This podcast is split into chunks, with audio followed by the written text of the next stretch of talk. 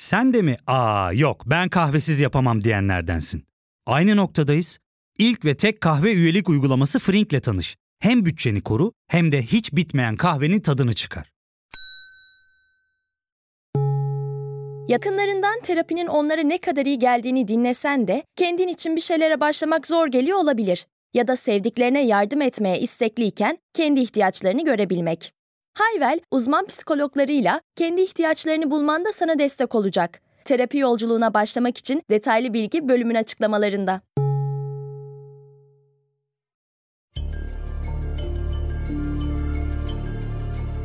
Merhaba, ben Ali Yağız Baltacı. Bilgisel'in bu haftaki hikayesinde 2011 seçim sürecinde MHP'ye yapılan kaset kumpasını masaya yatıracağız.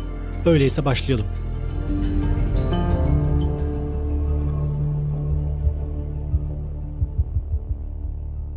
Bugünlerde siyasi iktidarın en büyük ortağı ve destekçisi olan MHP, 2011 yılında Türkiye siyaset tarihinin gördüğü en hoyratça saldırının kurbanı olmuştu. Bir siyasi partinin mahremiyetine tecavüz edilen bu insafsız kumpasın hikayesi vahşi bir ortaklığın izlerini taşıyordu. Türkiye'de 22 Temmuz 2007 seçimleri sonrası yeni bir dönem başlamış, son derece sancılı geçen 2007 yılının ardından AK Parti hem tek başına iktidarını perçinleyip hem de Abdullah Gül'ü Cumhurbaşkanı yaparak rahat bir nefes almıştı. Sayın milletvekilleri bu sonuca göre Kayseri Milletvekili Sayın Abdullah Gül anayasanın 102. maddesinde 3. tur oylama için öngörülen üye tam sayısının salt çoğunluğunu sağlamış ve 339 oyla Türkiye Cumhuriyeti'nin 11. Cumhurbaşkanı seçilmiş bulunmaktadır. 2008, 2009 ve 2010 yılları ise AK Parti'nin bir yerel seçim bir de referandum zaferiyle geçildi. 2009'daki yerel seçimlerde oy kaybetse bile İstanbul ve Ankara'yı elinde tutan AK Parti, 2010 referandumunda ise cemaatin ve yetmez ama evetçi liberallerin desteğiyle rahat kazanmıştı. Türkiye 2011 yılına girerken Başbakan Erdoğan'ın savcısıyım dediği Ergenekon balyoz operasyonları hız kazanmış, sivilleşme ve demokrasi rüzgarını alan AK Parti'nin önünde fazla bir engel kalmamıştı. İtalya'da temiz eller operasyonu olduğu zaman İtalya'yı Türkiye'ye örnek gösterenler lütfen şu anda da Türkiye'de temiz eller operasyonunu yapanlara saygı duysunlar. Geçen akşam bir televizyon kanalında bir gazetenin bir mensubu ta İtalya'ya gitmiş. Kimi bulmuş? Temiz Eller operasyonunun savcısını bulmuş. Onunla söyleşi yapıyor. Ne kadar güzel. Tamam da benim ülkemde bu operasyonu yapana da saygın olsun. Niye ona durmadan vuruyorsunuz? Bırakın bakalım nereye varacak bu işin sonu. Gel gelelim 2002 Kasım'ından beri ateş çemberlerinden geçen, sürekli askerin ve layık bürokrasinin nefesini ensesinde hisseden siyasi iktidarı tüm bu süreçlerde destekleyen ve kadrolarıyla kol kanat gelen Gülen cemaati de artık desteklerinin karşılığını görmek istiyordu. Gülenciler talepkar olmayı hak ettikleri düşüncesindeydi. Zira 3 Kasım 2002'de iktidara gelen AK Parti'nin parlamentodaki sandalyeleri dışında hiçbir kadrosu yokken cemaat kadroları adeta AK Parti adına faaliyet göstermiş, iktidarın bizatihi öz kadroları gibi çalışmışlardı.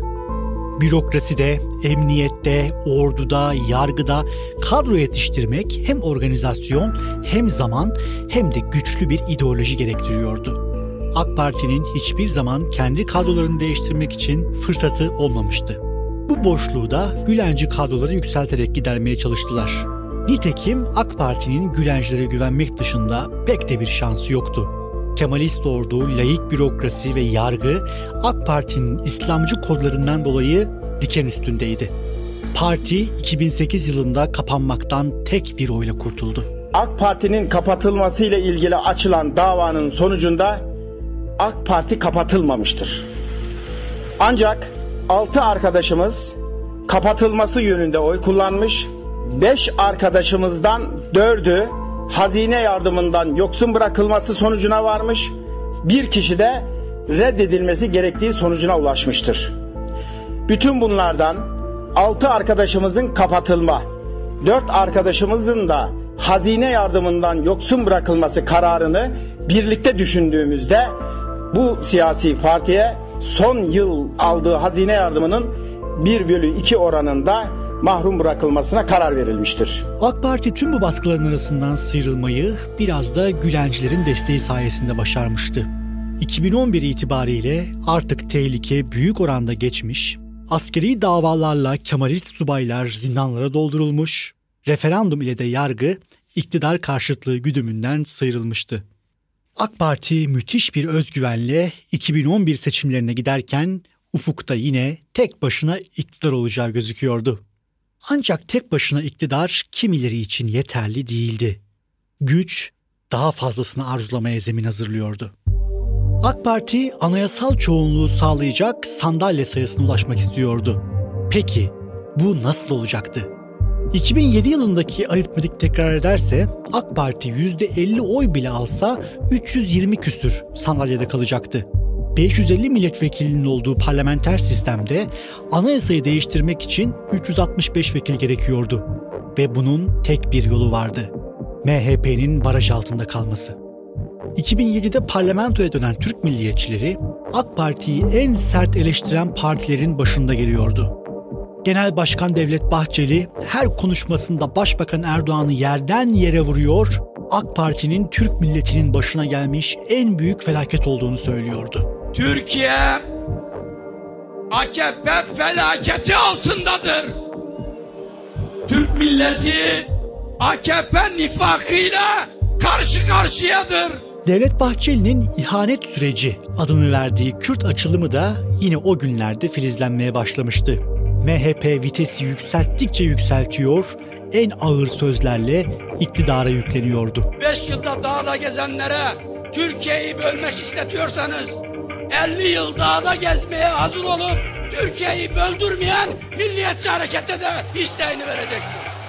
İşte tam olarak bu atmosferde 12 Haziran 2011 genel seçimleri kampanya sürecine girildi. Aday belirleme sürecinde Gülen cemaati AK Parti'den yeni taleplerde bulunmuş ve 50 cemaat mensubunun seçilecek yerlerden aday gösterilmesini istemişti. Birçok otoriteye göre cemaat hükümet savaşının ilk kıvılcımının yakıldığı yer 2011 milletvekili aday belirleme süreciydi. Başbakan Erdoğan Gülencilere karşı direnç göstermiş ve 50 kişiyi değil yalnızca 5 cemaat üyesini seçilecek yerlerden aday göstermeye izin vermişti. Geri kalan cemaat mensupları ise seçilmesi daha zor sıralardan aday gösterildi. Başbakan Erdoğan bu hamlesiyle çok akıllı davranmış ve Gülencilerin arka sıralardaki adamlarını seçtirebilmek için daha çok çalışmalarına neden olmuştu.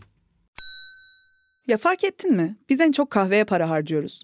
Yok abi, bundan sonra günde bir. Aa, sen Frink kullanmıyor musun? Nasıl yani? Yani kahvenden kısmına gerek yok. Frink'e üye olursan aylık sadece 1200 TL'ye istediğin çeşit kahveyi istediğin kadar içebilirsin. Günlük 40 TL'ye sınırsız kahve mi yani? Çok iyiymiş. Aynen. Hatta şu anda 200 TL'lik bir indirim kodu da var. E hadi hemen indirip üye ol da bu fırsatı kaçırma. Terapiye başlamak, içinden çıkamadığın döngüleri kırmak, bazı yanlış bulduğun kararlarını değiştirmek ve kendinle beraber daha huzurlu bir yaşam inşa etmek için atabileceğin en değerli adımlardan biri. Hayvel ile yoğun yaşam tempona uyum sağlayarak online terapi seanslarını takvimine göre ayarlayabilirsin. Bini aşkın uzmandan sana en uygun terapisti seçebilir, podb10 koduyla indirimden yararlanabilirsin. Detaylı bilgi açıklamalardaki bağlantıda. Gel gelelim Gülencilerin çalışma tarzları tahmin edilemez ve tekinsizdi. 24 Nisan 2011 tarihinde Farklı Ülkücülük adlı blog sitesinde yayınlanan görüntülerle Türkiye ayağa kalktı. Paylaşılan görüntülerde Devlet Bahçeli'ye çok yakın iki yardımcısı, aynı zamanda partinin Adana ve Kırşehir birinci sıra adaylarının cinsel içerikli görüntüleri piyasaya sürüldü. Her iki isim de genel başkan yardımcılıklarından ve milletvekili adaylıklarından çekilmek zorunda kaldı. Ancak asıl görüntüler seçimlere 35 gün kala 8 Mayıs tarihinde ortaya döküldü. Bu sefer daha da yüksek kalibreli isimler hedef alındı. Partinin İstanbul 1. 2. ve 3. sıra adayları ile partinin eski İstanbul İl Başkanı'nın görüntüleri paylaşıldı. Görüntüleri paylaşanlar ise asıl videoların 18 Mayıs'ta yayınlanacağını, o tarihe kadar Devlet Bahçeli'nin istifa etmesini istediklerini şart koştular. Seçimlere bir aydan az zaman kala Türkiye'nin en büyük üçüncü partisine ulu orta operasyon çekiliyordu. MHP Genel Başkanı Devlet Bahçeli 18 Mayıs saat 10'a kadar istifa etmezse yeni kasetler ortaya çıkacak.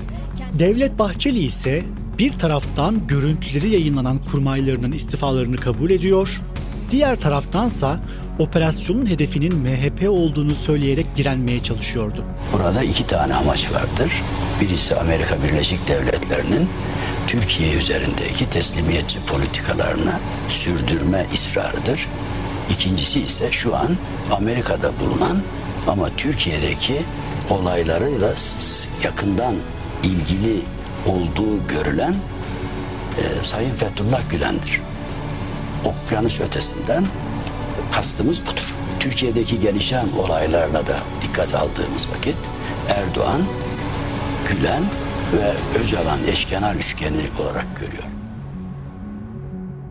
Devam eden seçim kampanyasında da sertlik doruğa ulaşmıştı. Meydanlarda birbirine giren Bahçeli ve Erdoğan mitinglerde tarihe geçecek ifadelerle birbirleriyle atışıyorlardı. Biz de kalkarız onların karşısına 5 bin 10 bin tane genci koyarız. Kimin karşısına çıkar diyorsun? Milletin evladının karşısına senin nerede bir on bin milisin var ki çıkartmayı düşünüyorsun? Sen 9 yıllık iktidar döneminde geleceğin bir devrim ordusuna göre teşkil edecek 10 bin milis mi yetiştirdin? Sayın Recep Tayyip Erdoğan 10 bin milisinle Taksim'e gel. Ben de bin bozkurtun oraya geleceğim. İnanıyorum ki Kasımpaşa'ya kadar arkama bakmadan kaçacaksın. Sayın Bahçeli sen bozkurtlarla mı dolaşıyorsun? Bozkurtların sana hayırlı olsun. Ben bozkurtla dolaşmıyorum. Ben eşrefi mahluk olan insanlarla dolaşıyorum. Evet Recep Tayyip Erdoğan, ben bir bozkurt olarak elbette bozkurtlarla dolaşıyorum. Bahçeli sesini yükselttikçe kasetlerde ardı ardına geliyordu. Türkiye'nin seçim gündemi MHP'nin kasetleri oluvermişti. Bir siyasi parti resmen yatak odası görüntüleriyle hedefe koyuluyordu. Devlet Bahçeli A takımını kurban vermişti. Başbakan Erdoğan ise aynı günlerde bu kasetleri dilinden düşürmüyordu. Hem CHP'nin geçen seneki olayını hem de MHP'deki gelişmeleri meydanlarda anlatıyordu. Kendi eşiyle değil ya buna nasıl kendi özeli dersin? Bu özel değil, özel değil. Bu genel, genel. Bu genel bir ahlaksızlıktır, başka bir şey değil. Devlet Bahçeli ise tehditlere direnerek istifa etmedi. Bunun üzerine 21 Mayıs tarihinde bir başka genel başkan yardımcısının görüntüleri paylaşıldı ve bir not bırakıldı. İstifa ederlerse diğer 5 kişinin görüntülerini yayınlamayacağız. Devlet Bahçeli daha fazla kumar oynamak istemedi. Görüntüleri olan diğer kurmaylarının da istifasını istedi. Bunun üzerine tamamı başkanlık kurulu, merkez yönetim kurulu gibi partinin en üst düzey organlarında görev alan milletvekili adayları üst üste istifalarını kamuoyuna açıkladılar. Devlet Bahçeli istifa etmemiş ama tüm üst düzey yöneticilerini, en yakın arkadaşlarını kumpasa feda etmişti. Böylece 24 Nisan'dan 21 Mayıs'a uzanan 27 gün içinde MHP'den toplam 16 kişi istifa etti. Bunların 7'si genel başkan yardımcısıydı. Türkiye siyasi tarihinde ilk kez bir seçim öncesi bu denli hoyratça saldırılar yapılıyordu. Türkiye 12 Haziran sürecine bu tablo altında girdi. AK Parti'nin büyük bir seçim zaferi kazanması için tüm gezegenler sıraya girmişti. Her şey hazırdı.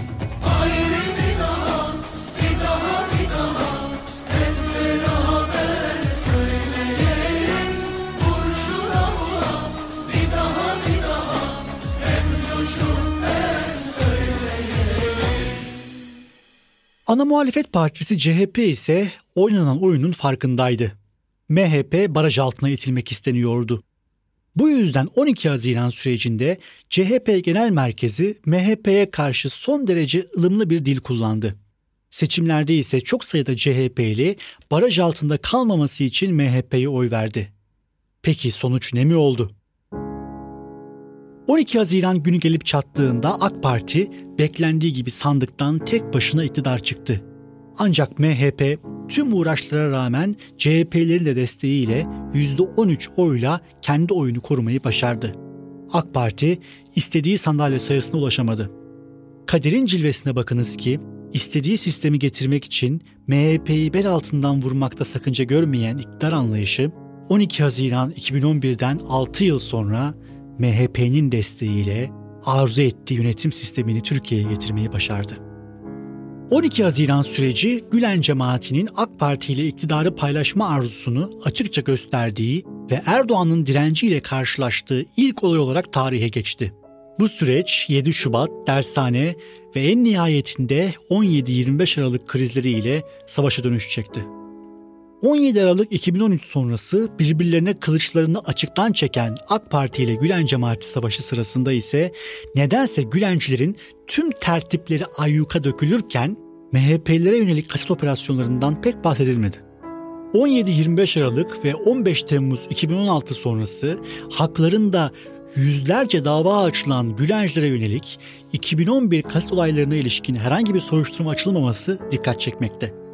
Tayyip Erdoğan'ın da Devlet Bahçeli'nin de bu konu hakkında pek konuşma hevesli olmadıkları görülüyor. Belki de günümüzde iki yakın ortak olan iki lider birbirlerine karşı en sert tutumları sergiledikleri bu süreci pek anımsamak istemiyorlar. Bu bilinçli sessizliğin bir başka sebebi ise siyasi iktidarın Gülen cemaati ile kurduğu ittifakın en belirgin ve pervasız olduğu 12 Haziran kumpaslarının sanık sandalyelerinde kimlerin oturacağının belli olması olabilir.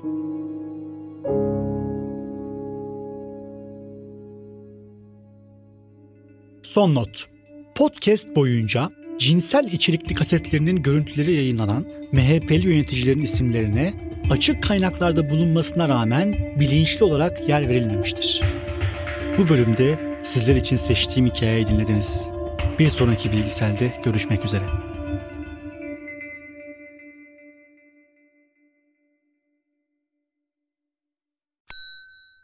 İlk ve tek kahve üyelik uygulaması Frink, 46 ildeki 500'den fazla noktada seni bekliyor. Açıklamadaki kodu girerek sana özel 200 TL'lik indirimden faydalanmayı unutma. Hadi sen de Frink üyeliğini başlat, kahven hiç bitmesin. Hem bugününe hem yarınına katacaklarıyla terapi yolculuğuna ve daha iyi hissetmeye bugün Hayvel ile başla. Açıklamadaki linkten Hayvel'i indir, ücretsiz tanışma görüşmelerinin ardından bütçene uygun seans paketini seç ve terapi yolculuğuna başla.